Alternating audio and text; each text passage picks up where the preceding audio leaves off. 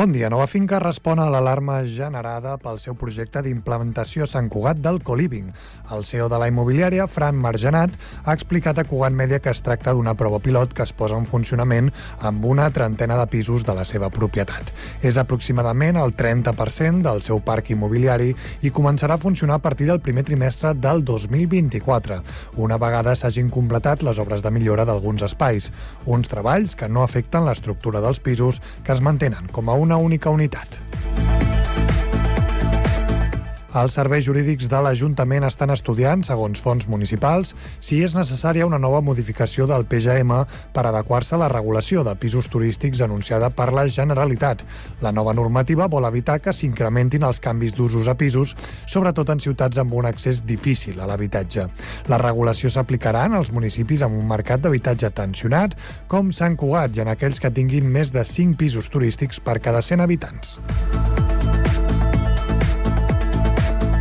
Els Mossos d'Esquadra estan a l'espera de rebre els resultats de les analítiques fetes al jove de Terrassa que van trobar mort a la zona d'oci de Can Solà per verificar aspectes com la presència de drogues. El jutjat d'instrucció número 2 de Rubí és l'encarregat de la investigació judicial que continua en marxa i està sota secret de sumari. El cos del jove va ser descobert el diumenge 22 d'octubre en el pati d'un edifici de l'Avinguda de les Corts Catalanes i en primera instància els Mossos van apuntar que es tractaria d'una mort accidental. I la 25a edició del Cross Ciutat de Sant Cugat arriba aquest diumenge al Parc de la Pulla en Creda a partir de dos quarts de nou del matí amb el tret de sortida a la categoria popular. Així, la cursa incorpora enguany el minicross per a infants de 2 a 5 anys, s'adapta a persones amb trastorn de l'espectre autista i celebra el seu quart de segle amb els bastoners i els caparrots, que estaran presents durant la jornada. 25 anys d'un dels esdeveniments més multitudinaris de la ciutat i amb 4.599 inscrits. I Manel Montells, de 56 anys, és triatleta a la Unió Ciclista Sant Cugat i és un dels referents del Cross Ciutat de Sant Cugat després de disputar totes les edicions de la categoria Open, la de majors de 19 anys, i ha explicat en una entrevista a Cugat Mèdia l'evolució de la cursa i algunes anècdotes. Una entrevista que els convidem a recuperar www.cugat.cat. Això és tot. Recordin que tenen més notícies a www.cugat.cat i també a les nostres xarxes socials i, com sempre, a les zones al 91.5 de la FM. Cugat Mèdia, la informació de referència a Sant Cugat.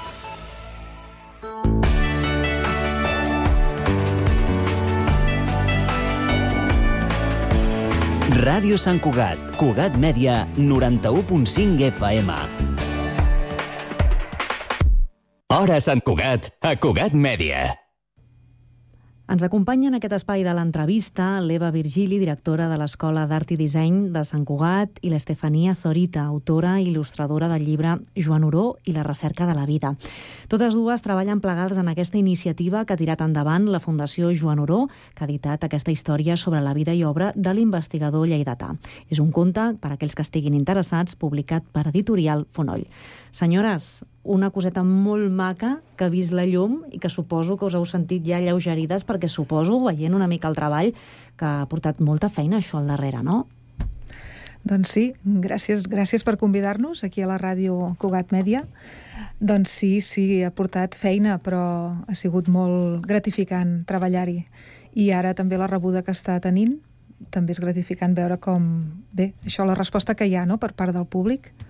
Això va començar fa temps ja, perquè vaig tenir aquesta idea al principi una mica peregrina de una història sobre aquest científic que jo no coneixia i que pensava que, que el meu entorn tampoc no n'havia sentit a parlar mai i vaig estar davant del telescopi Joan Oró, que està dalt a l'Observatori del Montsec, i com que hi anava acompanyada de, de col·legues que tinc astrònoms, em vaig interessar pel nom d'aquest telescopi i em van explicar qui era Joan Oró.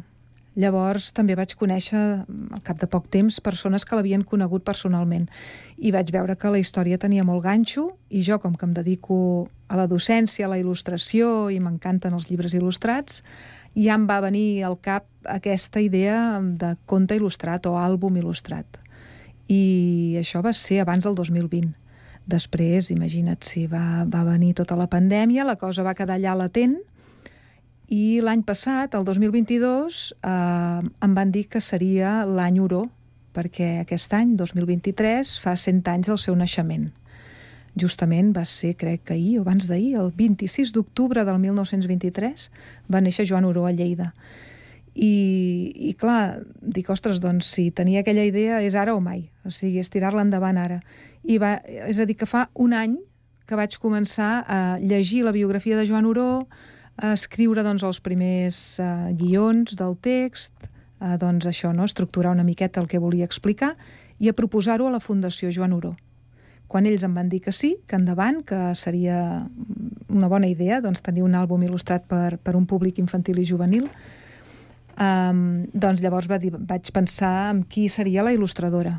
L'il·lustradora la tenim aquí a l'estudi de Cugat Mèdia. L'Estefania, com, com t'enredes en aquesta història?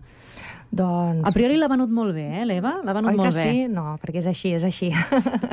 doncs res, amb, amb l'Eva manteníem contacte. Jo vaig ser alumna seva a l'Escola d'Art, fa molts anys vaig fer allà el cicle d'il·lustració, i, i bé, em va, em va fer la proposta, em va, fa un any, just em va contactar i em va dir, mira, tinc això entre mans, i a veure com ho veus. Jo li vaig dir que sí, de seguida. Uh, tampoc sabia molt bé, molt bé de què anava el projecte, però, però bé, era, era una bona proposta. I res, ja va ser començar a trobar-nos, em va explicar també la història d'en Joan Oró, que jo tampoc coneixia, i em va semblar superbonica per fer-ne un conte, no? Perquè té, uh, té molta poesia eh, la seva història i, i bé, de seguida ja em van començar a venir imatges al cap i vam anar treballant força plegades mm, perquè eh, a, a mida que ella també anava polint el text, jo anava fent les il·lustracions i eh, bueno, hem fet un bon tàndem i ha estat un procés molt bonic.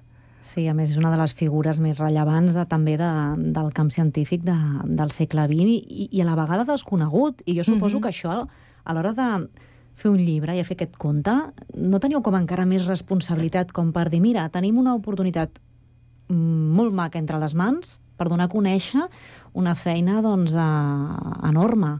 Aquí heu tingut una mica de, de vertigen o com ha anat? Sens dubte, no sé si vertigen, però sí aquesta cosa de dir, ostres, eh, he de resumir molt una vida tan, tan plena, no? amb, tanta, amb tant cos científic i amb tanta aventura, i, és clar tot això amb, amb les 40 pàgines que té el llibre, 19 dobles pàgines, i adaptant-ho a un llenguatge doncs, més proper als infants i joves, era un repte. A més, jo no havia escrit mai cap conte d'aquest estil, era més aviat il·lustradora o havia escrit altre tipus de textos. Per tant, tot plegat era un repte però, però la història cada cop se'ns va fer com més propera, més familiar. També la col·laboració de la Fundació Joan Oró, que ens va deixar escanejar tot de documents del propi Joan Oró Florença, que surten en aquí en un collage digital. És a dir, l'Estefania ha incorporat el, els manuscrits, els dibuixos, les fórmules del científic Joan Oró en els seus dibuixos. I això fa que ell participi també d'aquest conte i de, de les il·lustracions. O sigui, ell és, és un dels autors, diguem-ne, també, en part de les il·lustracions. I cada cop que hem anat a explicar aquest conte, um, ens hem trobat, ara no fa gaire, vam anar al Parc Astronòmic del Montsec, amb una activitat familiar que es feia dins el Festival d'Astronomia, i quan preguntàvem si algú coneixia Joan Oró, alguns, algunes persones grans, grans vull dir de 50 cap amunt, i de l'entorn de Lleida. Però si no, bueno, sort que s'ha fet aquest any Oró i se n'està parlant perquè no es coneix gaire. No? Hi ha hagut una feina al darrere perquè s'ha dividit tot el treball en quatre parts, la part de la infantesa, la part dels estudis a Barcelona i de la vida familiar a Lleida, les investigacions sobre l'origen de la vida als Estats Units ja treballant per la NASA, déu nhi i després el llegat científic. Eh, feinada per estructurar, com deia l'Eva, la part dels textos, però per part de l'Estefania, com, com, en quins moments, en quines imatges es queda per, per poder reproduir mm. i resumir i fer-ho d'una forma mm, rellevant, que sigui identificativa, que representi aquesta persona. Com, com t'ho has fet? Suposo que amb molts esbossos, molt, selec molt de seleccionar, com, sí. com ho has fet? Bueno, sempre hi ha una part una mica de, de, de buscar imatges, de, una, una part de documentació en quant al personatge, quan preguntaves això del respecte, a mi em feia respecte com, el, com representaria en Joan Oró, no? perquè mm, lògicament tractant-se d'una biografia d'un personatge s'ha de semblar, però tampoc volia fer una caricatura, volia que fos un personatge afable que es, i que s'assemblés, no? Llavors, aquí sí que hi ha hagut una part de documentació de fotos i després de com, com eh, representar cada, cada etapa, doncs sí que eh, també m'interessava reflectir a l'estètica potser una miqueta, no? perquè ell va néixer als anys 20, com, com eren els nens, eh, no? com anaven vestits, i després l'última il·lustració representa que, que hi és a l'actualitat, que es veu al parc astronòmic i hi ha nens 8 dia, doncs he intentat que es veiés una mica aquest pas del temps, no? I, i després pel, per lo que és l'etapa més de descobriments i tot això, a banda del collage digital que comenta l'Eva, que hem anat incorporant um, documents, manuscrits, cartes que ens van proporcionar des de la Fundació, doncs sí que també hi ha hagut una part de buscar una mica doncs, fotografies, de, per exemple, de la NASA, no? per saber quin, quin ambient hi havia entre científics, mirar personatges, com anaven vestits, i després també la, ma maquinària, no? com la, la nau que van enviar a Mart, doncs, lògicament aquí hi ha d'haver una mica de perquè sigui una mica fidel, no? a banda de que després hi ha la part més creativa o algunes llicències poètiques que ens hem, que ens hem permès. No? Estem aquí fullejant uh, el llibre. És una pena que això sigui ràdio ara mateix, perquè, perquè és veure com una petita pel·lícula sí de fotogrames que reprodueixen la vida d'en de, Joan Oró i que també, doncs, tenint en compte aquest públic no, doncs, més, més, més infantil, mm, acostar-se amb un llenguatge per poder parlar de capítols com la Guerra Civil o la mort dels pares mm -hmm. d'en de, Joan. Suposo que tot això, tota aquesta ploma i aquesta sensibilitat, heu hagut de conjugar-la. Com, com us heu posat d'acord amb el to en què anéssiu alineades?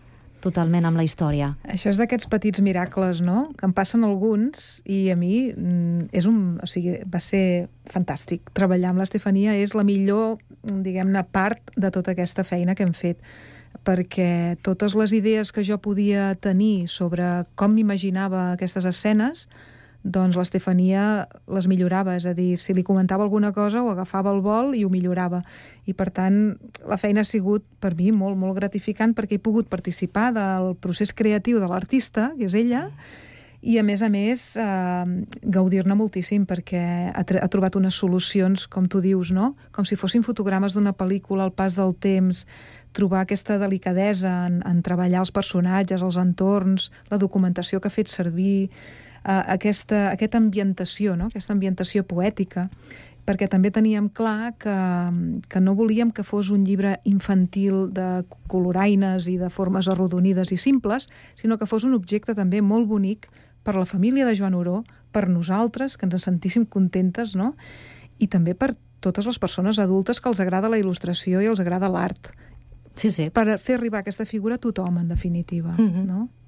I quin és el periple d'aquest petit fill que heu creat? Quin és el periple ara? Quin recorregut té? Ja l'heu presentat a, a Sant Cugat? A, una miqueta com anirà caminant i quin serà la història sí, d'aquest llibre? Vam fer la presentació aquí a Sant Cugat a la llibreria La Salvatge, que ens va fer molta il·lusió.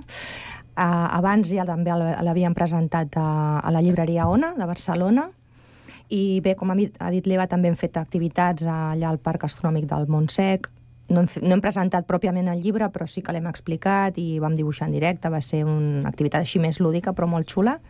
I, de fet, en teoria es, es comença a distribuir no? per llibreries i la nostra intenció, el que volem i el que volia l'Eva des del principi, que ho tenia molt clar, era que arribi a escoles, sobretot, no? I en aquest aspecte, doncs... Home, Estem en procés. Mm. Aquest llibre, La ciutat dels nens, ha de, sí, sí. ha de triomfar, no? Suposo. I a més a més que, que està pendent de fer o recuperar-se al Festival dels Petits Grans Llibres. Vés a saber, doncs, si aquí vaig donant idees mm -hmm. per, mm -hmm. perquè pugui tenir doncs, més recorregut. El que està clar és que vosaltres dues treballareu més plegades, perquè aquí hi ha hagut una combinació no? alumne-professora, hi ha hagut aquí una simbiosi que potser el Joan Oró diria que, que sou una bona fórmula les dues. Oh, seria xulo. Sí, sí. Sí, sí, alguna cosa ja. ha passat, és veritat. Ha estat mm. especial i, i ja estem rumiant nous projectes. Bueno, heu fet cultura, també. Mm, Heu sí. creat cultura i ara estem en uns moments en què qualsevol sí. peça feta des, de, des del respecte, des de l'esforç i, i el talent per donar a conèixer doncs, una figura, doncs benvingut sigui. Eh, ha estat un plaer parlar amb vosaltres, poder conèixer una miqueta més aquesta obra i sobretot aquesta recomanació que feu, que dieu a la contraportada, si sou persones curioses i valentes, no us podeu perdre aquesta aventura. Això és així? Hem de ser curiosos i valents? Sí, com Joan Uro. Sempre, sempre. Sempre. doncs uh, moltíssimes gràcies uh, per acostar-nos doncs, a aquesta obra al 91.5 de la FM. Farem el possible doncs, també des de l'emissora municipal per donar a conèixer doncs, aquesta creació d'una Sant Cugatenca, l'Estefania, i una Sant Cugatenca d'adopció, com tenim aquí la directora de l'Escola d'Art, que també la tenim uh, amb nosaltres, doncs, a continuar donant vida doncs, a, a la cultura, a la creació, al que fa el teixit associatiu de la nostra ciutat, i fins una altra. Moltes gràcies a les dues. A Moltes gràcies a vosaltres. Estrenem l'APP del Picalletres. Paraules i jocs lingüístics per a tothom. Descarregueu-vos l'APP a Google Play o a l'App Store i comenceu a jugar. Música a Ràdio Sant Cugat.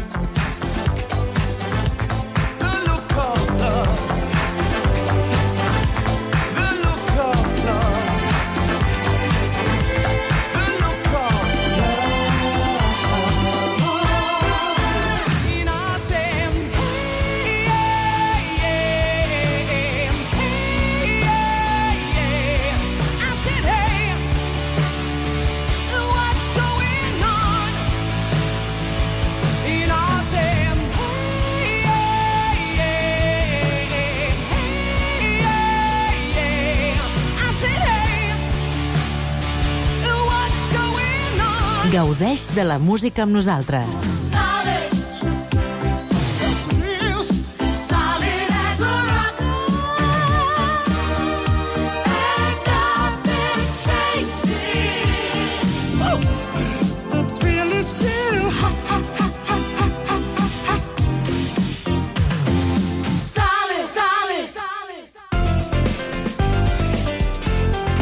Ràdio Sant Cugat. Cugat Mèdia. Hora Sant Cugat, a Ràdio Sant Cugat.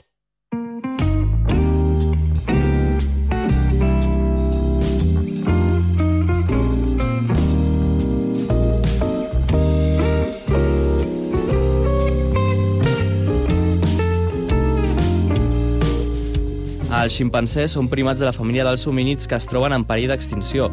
L'etòloga Jane Goodall es considera una pionera pels estudis que va realitzar vers la conducta social i familiar dels ximpancers, espècie que es troba més pròxima genèticament a l'Homo sapiens. Actualment, la major presència d'aquests primats és a l'Àfrica central, a països com el Congo. Fins a aquest indret del continent hi ha estat una santcuatenca que ha treballat en l'estudi dels ximpancers. Ella és Laia Dutràs, biòloga especialitzada en primatologia. Dutràs n'ha dedicat anys de la seva carrera en l'estudi dels ximpancers i ara és codirectora del Departament d'Investigació a l'Institut Jane Goodall a Espanya. Bon dia, Laia, com estàs?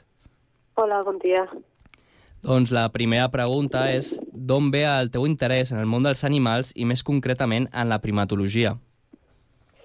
Doncs des de petita sempre m'ha tret molt la, la natura, els animals, eh, qualsevol tipus d'animal, però és cert que des de mm, ben petitona sempre volia treballar amb goril·les. Era com una cosa que tenia molt, molt clara, per això vaig estudiar biologia, però és cert que va haver-hi una persona que va ser referent per mi, que va ser un atòleg català, que és el, el doctor Jordi Sabater eh, que ell va treballar molts anys a Guinea Equatorial i que se'l coneix per haver portat el, el floquet de neu al zoo de Barcelona, no? però va fer un gran treball de, de recerca.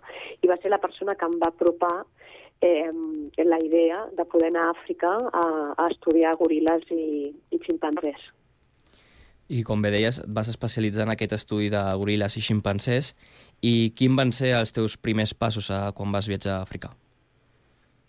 Doncs mira, abans d'anar a Àfrica vaig començar com a voluntària a la Fundació Mona, que és un centre de rescat que hi ha a Girona, i treballant amb, amb ximpanzés i agafant experiència i a partir d'aquell moment eh, vaig estar mirant diferents opcions a Àfrica i me'n vaig anar de voluntària, en principi per tres mesos, a Sierra Leona, a l'oest d'Àfrica, en un centre de rescat de ximpanzés que es diu Takugama, on hi havia una veterinària catalana, que és la Rosa Garriga, i allà vaig estar un any, un any i mig eh, treballant com a voluntària al, al centre de rescat. Aquesta va ser la meva, la meva experiència al continent africà. Quan vas, has viatjat fins a Sierra Leona i vas treballar en aquests projectes de realització i conservació dels ximpancers, com va ser aquesta experiència per, més personal?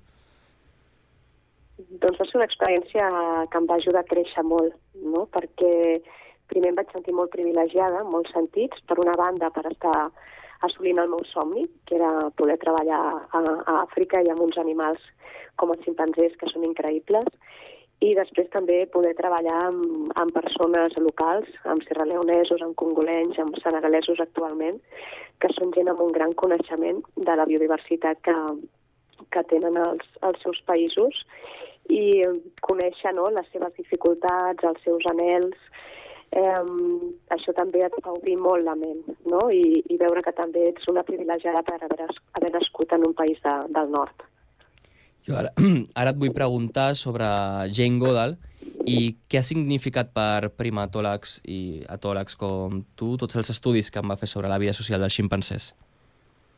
Uh, la doctora Jane Goodall és una de les científiques més destacades de, del segle passat. Actualment és una de les majors activistes que, que tenim en defensa del medi ambient i és una persona que és un referent en, en molts sentits, no? en el meu cas també a nivell personal eh, i també a nivell eh, professional. I ha marcat a moltes generacions de, de primatòlegs que han volgut també dedicar el, la seva vida professional a, a l'estudi de, dels primats per sobretot conservar-los, perquè els primats, la gran majoria, estan en perill d'extinció i la gran majoria de primatòlegs treballen en la conservació de, dels seus hàbitats i, i d'aquestes espècies en concret. No?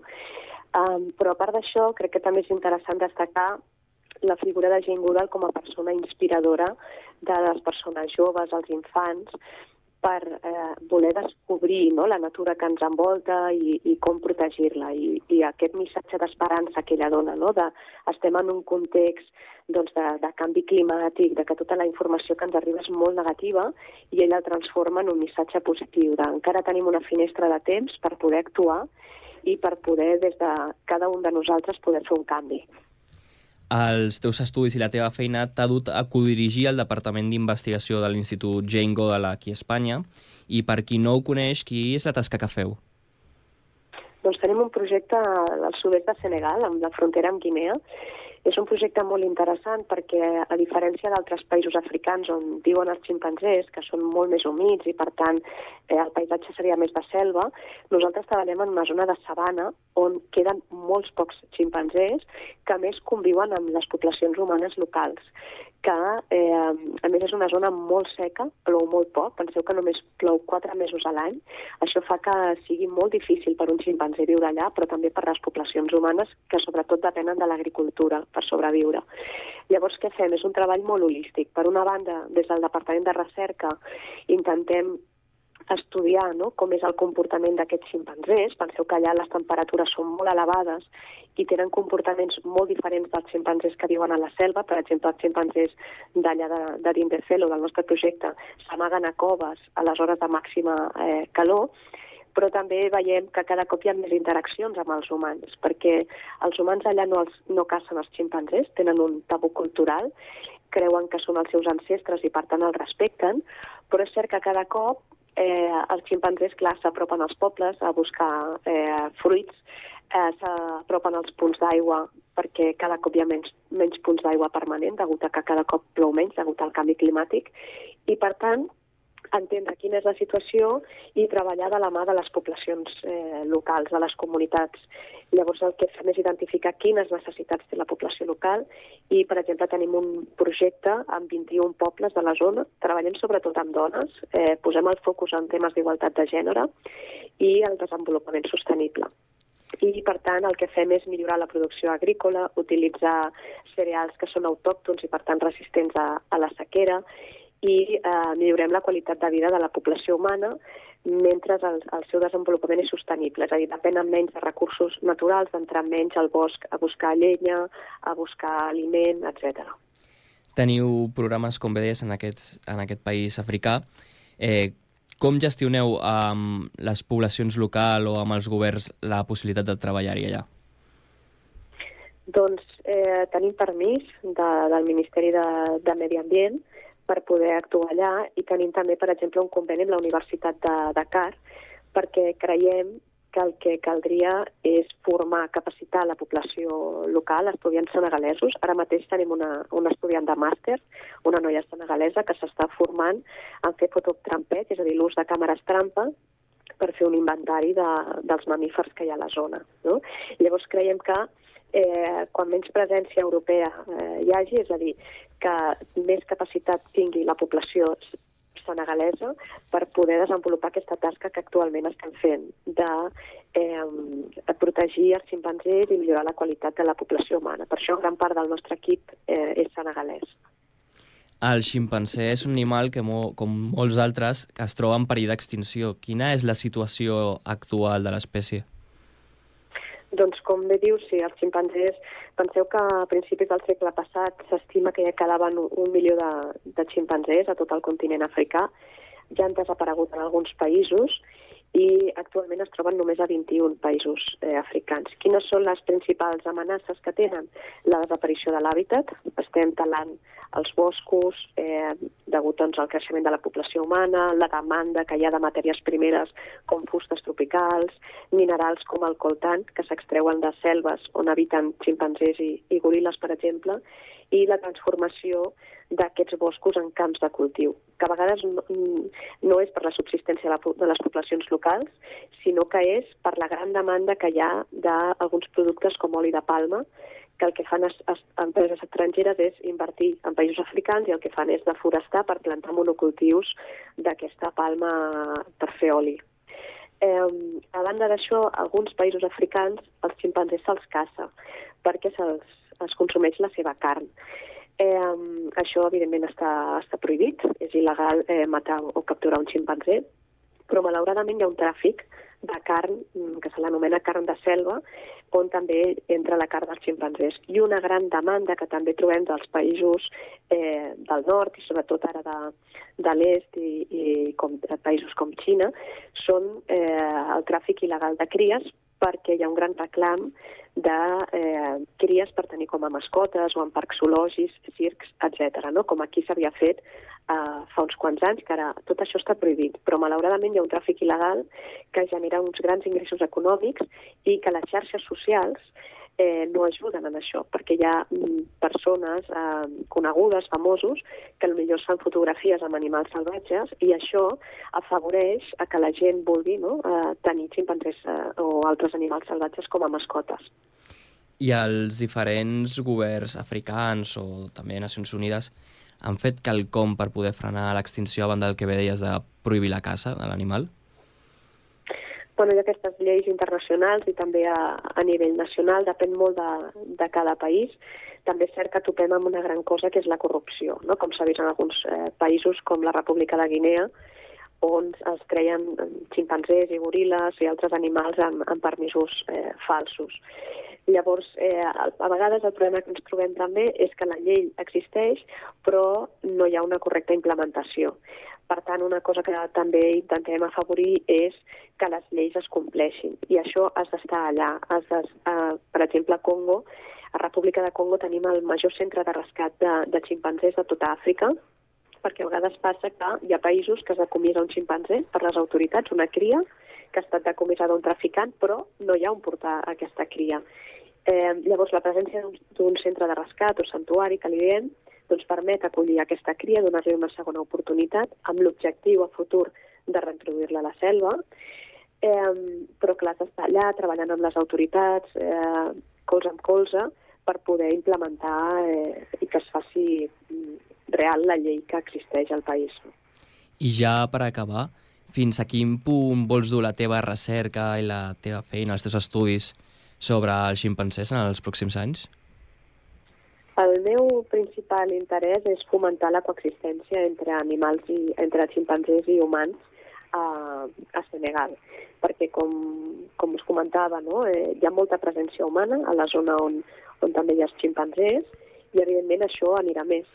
A part ens estan arribant nous projectes de desenvolupament, com per exemple la construcció de carreteres, línies elèctriques, preses elèctriques, que tenen un gran impacte en, en la població dels ximpanzés.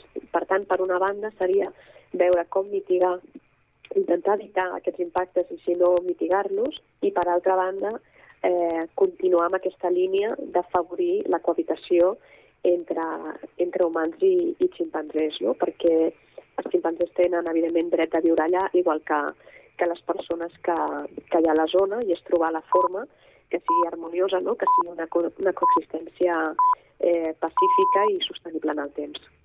Doncs moltes gràcies, Laia, per passar-te per Cugat Media i poder explicar la teva experiència i els teus estudis, la teva feina en relació amb els ximpancers i sobretot a l'Institut Jane Goodall d'Espanya.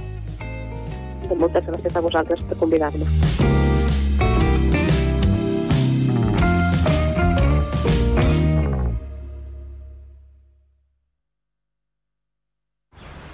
Estàs pensant a posar plaques solars a casa teva? Doncs passa't a l'energia solar de manera fàcil i segura amb la teulada, experts en energia solar i el nou espai d'assessorament per a la ciutadania i les empreses. Informa't a la teulada arroba amb.cat o contacta'ns per WhatsApp al 645 725 465. La teulada és un servei de l'AMB finançat amb el Fons Europeu de Desenvolupament Regional. AMB, Metròpolis de Barcelona. Cada mes, els alumnes dels instituts Leonardo da Vinci, el Centre de Formació d'Adults i el Col·legi Pureza de Maria expliquen l'actualitat dels seus centres a Ràdio Sant Cugat. Els alumnes de primer d'ESO van fer una excursió el 18 d'octubre a un jaciment arqueològic. Doncs jo vull parlar sobre la inauguració del Punt Lila i el Punt Rainbow. També ens fan recomanacions. I el que m'agrada molt d'aquest llibre és que eh, a les pàgines es poden veure els correus. Ens diuen què els agrada. A mi m'agrada el Nadal en fred. Parlaré del que m'agrada que va sobre el meu esplai. I ens posen al dia amb la música que escolten. Jo he escollit a la gent d'Estimo, que és d'Oques Grasses. Quan somrius és Joan Dausà. No dudaria, Rosario. Els instituts Sant Cugatencs a Cugat Mèdia. Els dijous a les 10 a Ràdio Sant Cugat i en podcast a cugat.cat i a Ull Crític. Ràdio Sant Cugat. 91.5 FM. Hora Sant Cugat, a Ràdio Sant Cugat. Connecta't al patrimoni.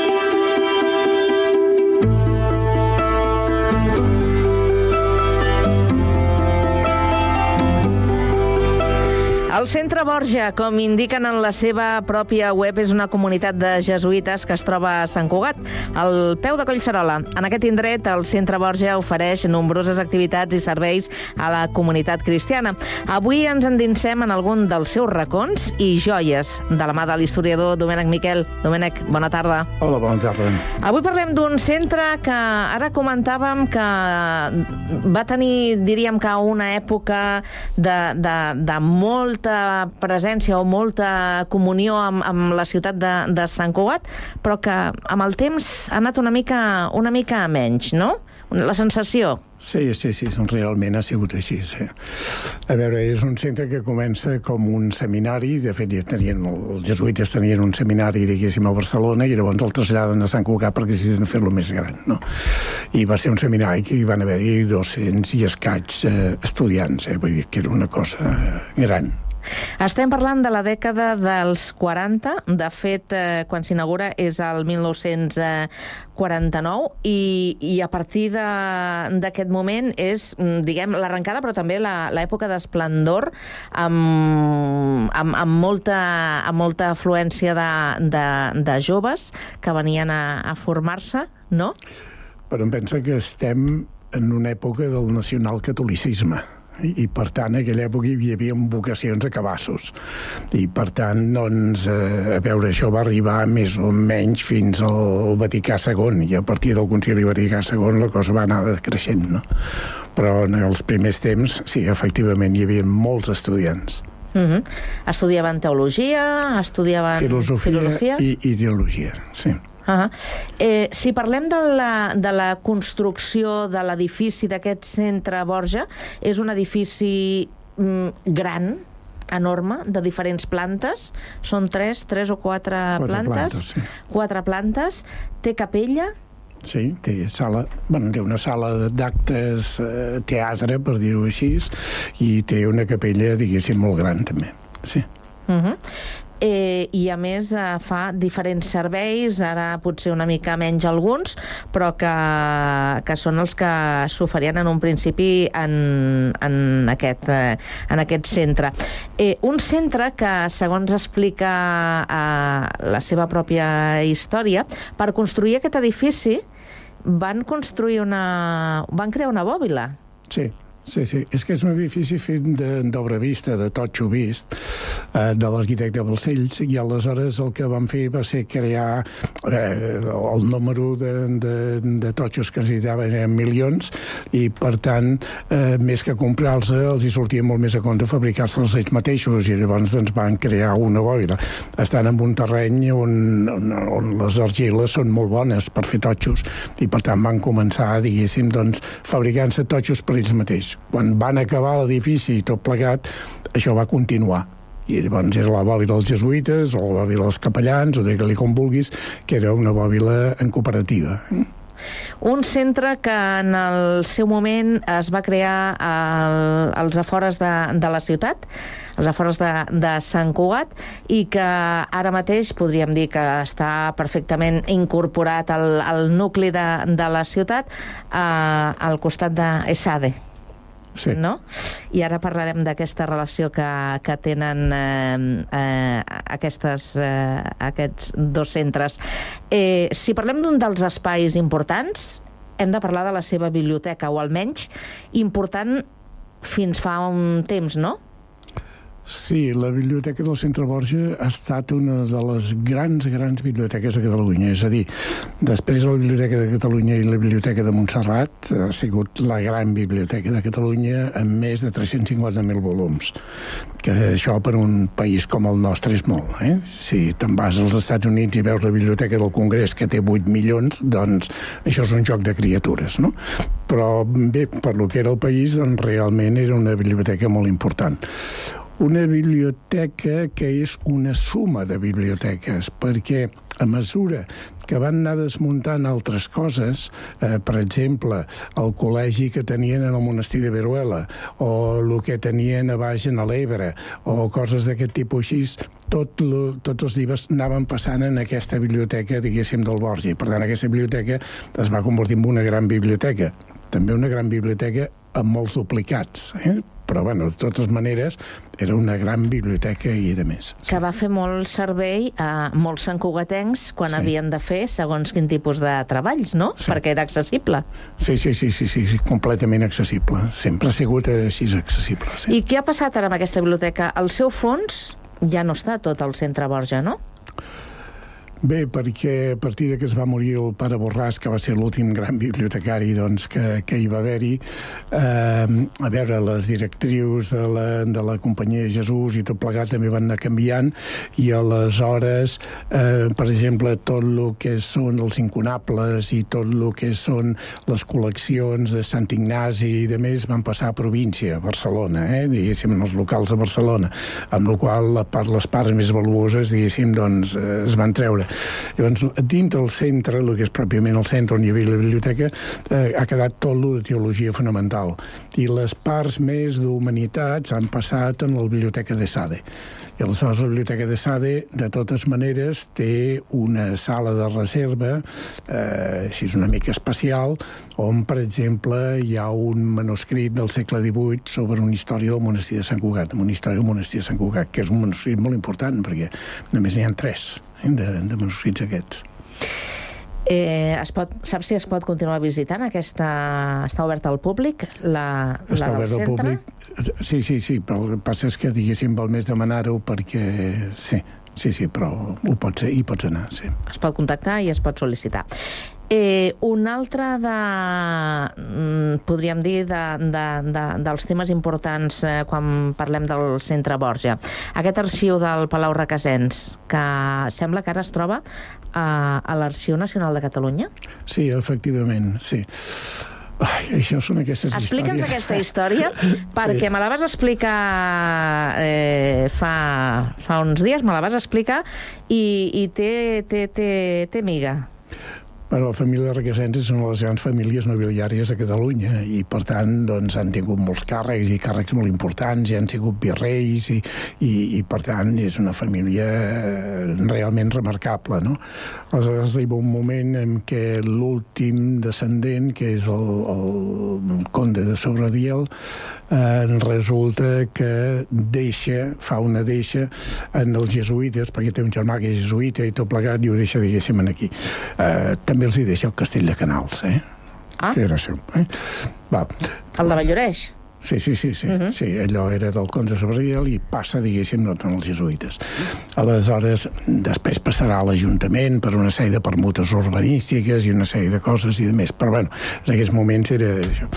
Aleshores, eh, eh, esclar, aquest fons és un fons molt important i eh, era una mica problemàtic eh, accedir-hi en allà perquè, eh, a veure, diguéssim, actualment el Centre Borja tampoc té una gent que estigui, eh, que es pugui dedicar, diguéssim, a aquestes tasques, a fer aquestes tasques i tot plegat. Llavors, al final van optar per dipositar-lo en l'Arxiu Nacional, on realment hi ha unes condicions de conservació i un personal especialitzat que si tu demanes un document, doncs el trobaran fàcilment. Però també hi havia alguns objectes, alguns objectes, diguéssim, doncs, curiosos. L'objecte potser més curiós de tot bueno, a part d'aquests documents firmat per Felip II i aquestes coses que bueno, sempre fa gràcia de veure, eh, hi havia el bastó de Guillem d'Oranys, saps que Guillem d'Oranys, eh, que en principi era catòlic, després es va passar als calvinistes i va ser qui va fer la, la revolució contra Espanya per aconseguir la independència d'Holanda, no? I, per tant, doncs, és un personatge molt important. I llavors, en una batalla, el 1594, eh, va deixar el seu bastó de comandament, que és un bastó que fa uns 80 centímetres, eh, amb unes incrustacions de plata i de més, el va deixar en el seu germà. I el seu germà va perdre la batalla amb la qual, eh, quan hi ha les rendicions aquestes, si recordeu el quadre de la rendició de Breda, no? doncs mm. que el que ha perdut la batalla li dona el bastó de comandament i les claus de la ciutat en el que ha guanyat, no?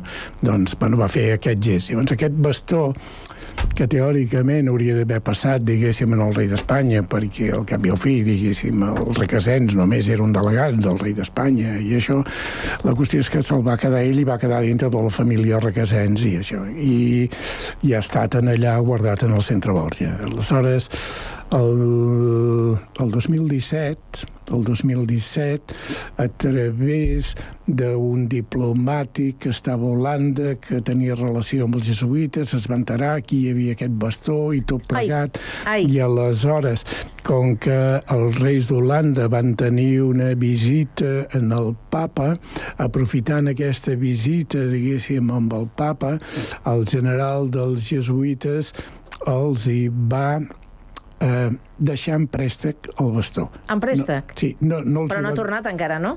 Eh, està en un museu d'Holanda, diguéssim, ah. però en préstec. Ah. En préstec.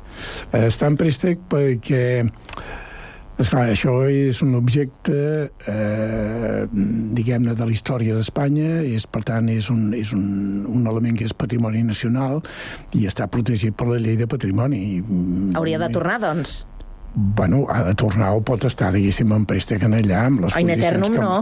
Home, in eternum no. no. In eternum no. In eternum no, però sí, sí.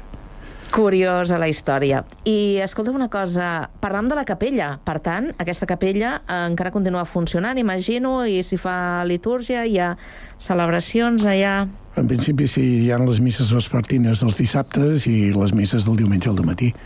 I, a més, hi va molta gent, per una raó molt senzilla, perquè es pot aparcar. Clar. Sí, sí, és veritat. La gent que ve de lluny o gent gran que té dificultats de moviment i tot plegat pot anar allà i aparcar relativament al costat de la porta, no? Clar, perquè ens, ombli, ens hem oblidat de dir que aquest eh, eh, centre Borja eh, té un recinte eh, bastant ampli, que, amb jardí... Molt, molt ampli, sí. Sí, sí no? molt ampli. Ens hem deixat pel final eh, una altra qüestió que jo desconeixia i, i és aquesta infermeria hi ha un servei d'infermeria sí. que eh, serveix per atendre els jesuïtes més grans, no?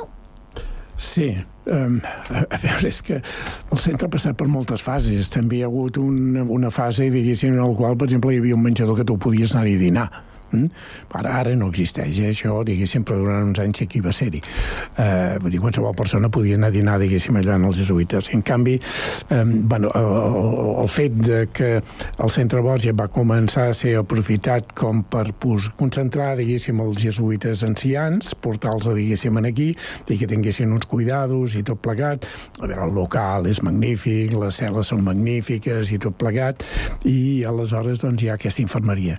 I no solament hi ha aquesta infermeria, sinó que dintre del recinte hi ha un cementiri privat un cementiri privat que està declarat eh, jardí d'interès cultural, etc etc. vull dir que, per tant, és, és, està protegit. Eh? Estem parlant d'una infermeria que està gestionada per la Fundació Vall Paradís, que és del grup de Mutua Terrassa, des, de, des del 2008, i ara parla... Té una capacitat eh, no gaire gran, em sembla que per unes 30 persones, com a, com a molt. Sí. Eh, el que passa és que, així com comentàvem al principi, que aquesta relació del centre Borja amb la ciutat eh, s'ha anat diluint en, eh, en el temps, eh, també la sensació és que cada vegada hi ha menys jesuïtes, no?, en aquest centre? Eh, jo diria que hi ha menys jesuïtes joves. Ah, joves. Joves, no grans. Però sí, la veritat és que hi ha menys jesuïtes joves. De totes maneres, eh, per exemple, hi ha el Pep Baqués, que és arquitecte, jesuïta per ser arquitecte, que forma part de la comissió gestora del monestir, i sort en tenim mm? perquè realment és una persona molt entesa amb estructures i coses d'aquest tipus així, i aleshores va molt bé poder comptar amb un expert com ell. No? Per tant, no és que s'hagi deslligat del tot de la ciutat, però sí que certes coses que abans es feien en allà, doncs ara no es fan. Eh, per exemple, la facilitat que abans tenies perquè els jesuïtes accedissin a un local per fer uns actes o per fer unes coses, doncs ara no hi són tant perquè eh, fer un acte vol dir que s'ha de preparar, que s'ha de netejar després, que no sé què... I, llavors, I no hi ha personal per que estigui per la, per la labor. Sí. Mm -hmm. sí. Doncs eh, hi hauria moltes més eh, històries segurament per, eh, per explicar des d'un cinefòrum no? que també va, va existir i que vam poder aprofitar els que llavors anàvem a escola sí. i que ja no hi és, no? Bueno, perquè el cinefòrum, eh, a veure, va ser com tots els cinefòrums que van ser uns anys i de més a veure, els cinefòrums aquí a Sant Cugat van començar a la cuina de l'abat, aquí en el monestir. Aleshores, després se'n van fer a la Unió, també, diguéssim, una temporada, diguéssim, a la Unió, i finalment van acabar, diguéssim, en els jesuïtes, i es deia eh, el Borjadín, Eh? El, el, el cine, bueno, primer es va dir cine, Cinefòrum Borja i després es va dir Borjadín. Eh? I en total, diguéssim, l'història del Cinefòrum d'aquí Sant Cugat hi ha com potser 700, 700 projeccions, eh? que déu nhi per una ciutat com Sant Cugat. Eh? 700 per, no sé, en 20 anys, eh? diguéssim, no, no pensis tampoc en dos dies. Eh? Bé, doncs avui hem fet eh, allò, una miqueta un recorregut, eh, així per sobre d'aquest centre Borja, que podem dir que és una altra de, de les joies que, que tenim aquí a Sant Cugat, no?, en quant a patrimoni històric, eh, sí. cultural i hem volgut fer aquesta passejada de la mà del Domènec Miquel, historiador que ens visita de tant en tant. Domènec, gràcies. A vosaltres. Que vagi molt bé. Bona tarda. Vinga, bona tarda.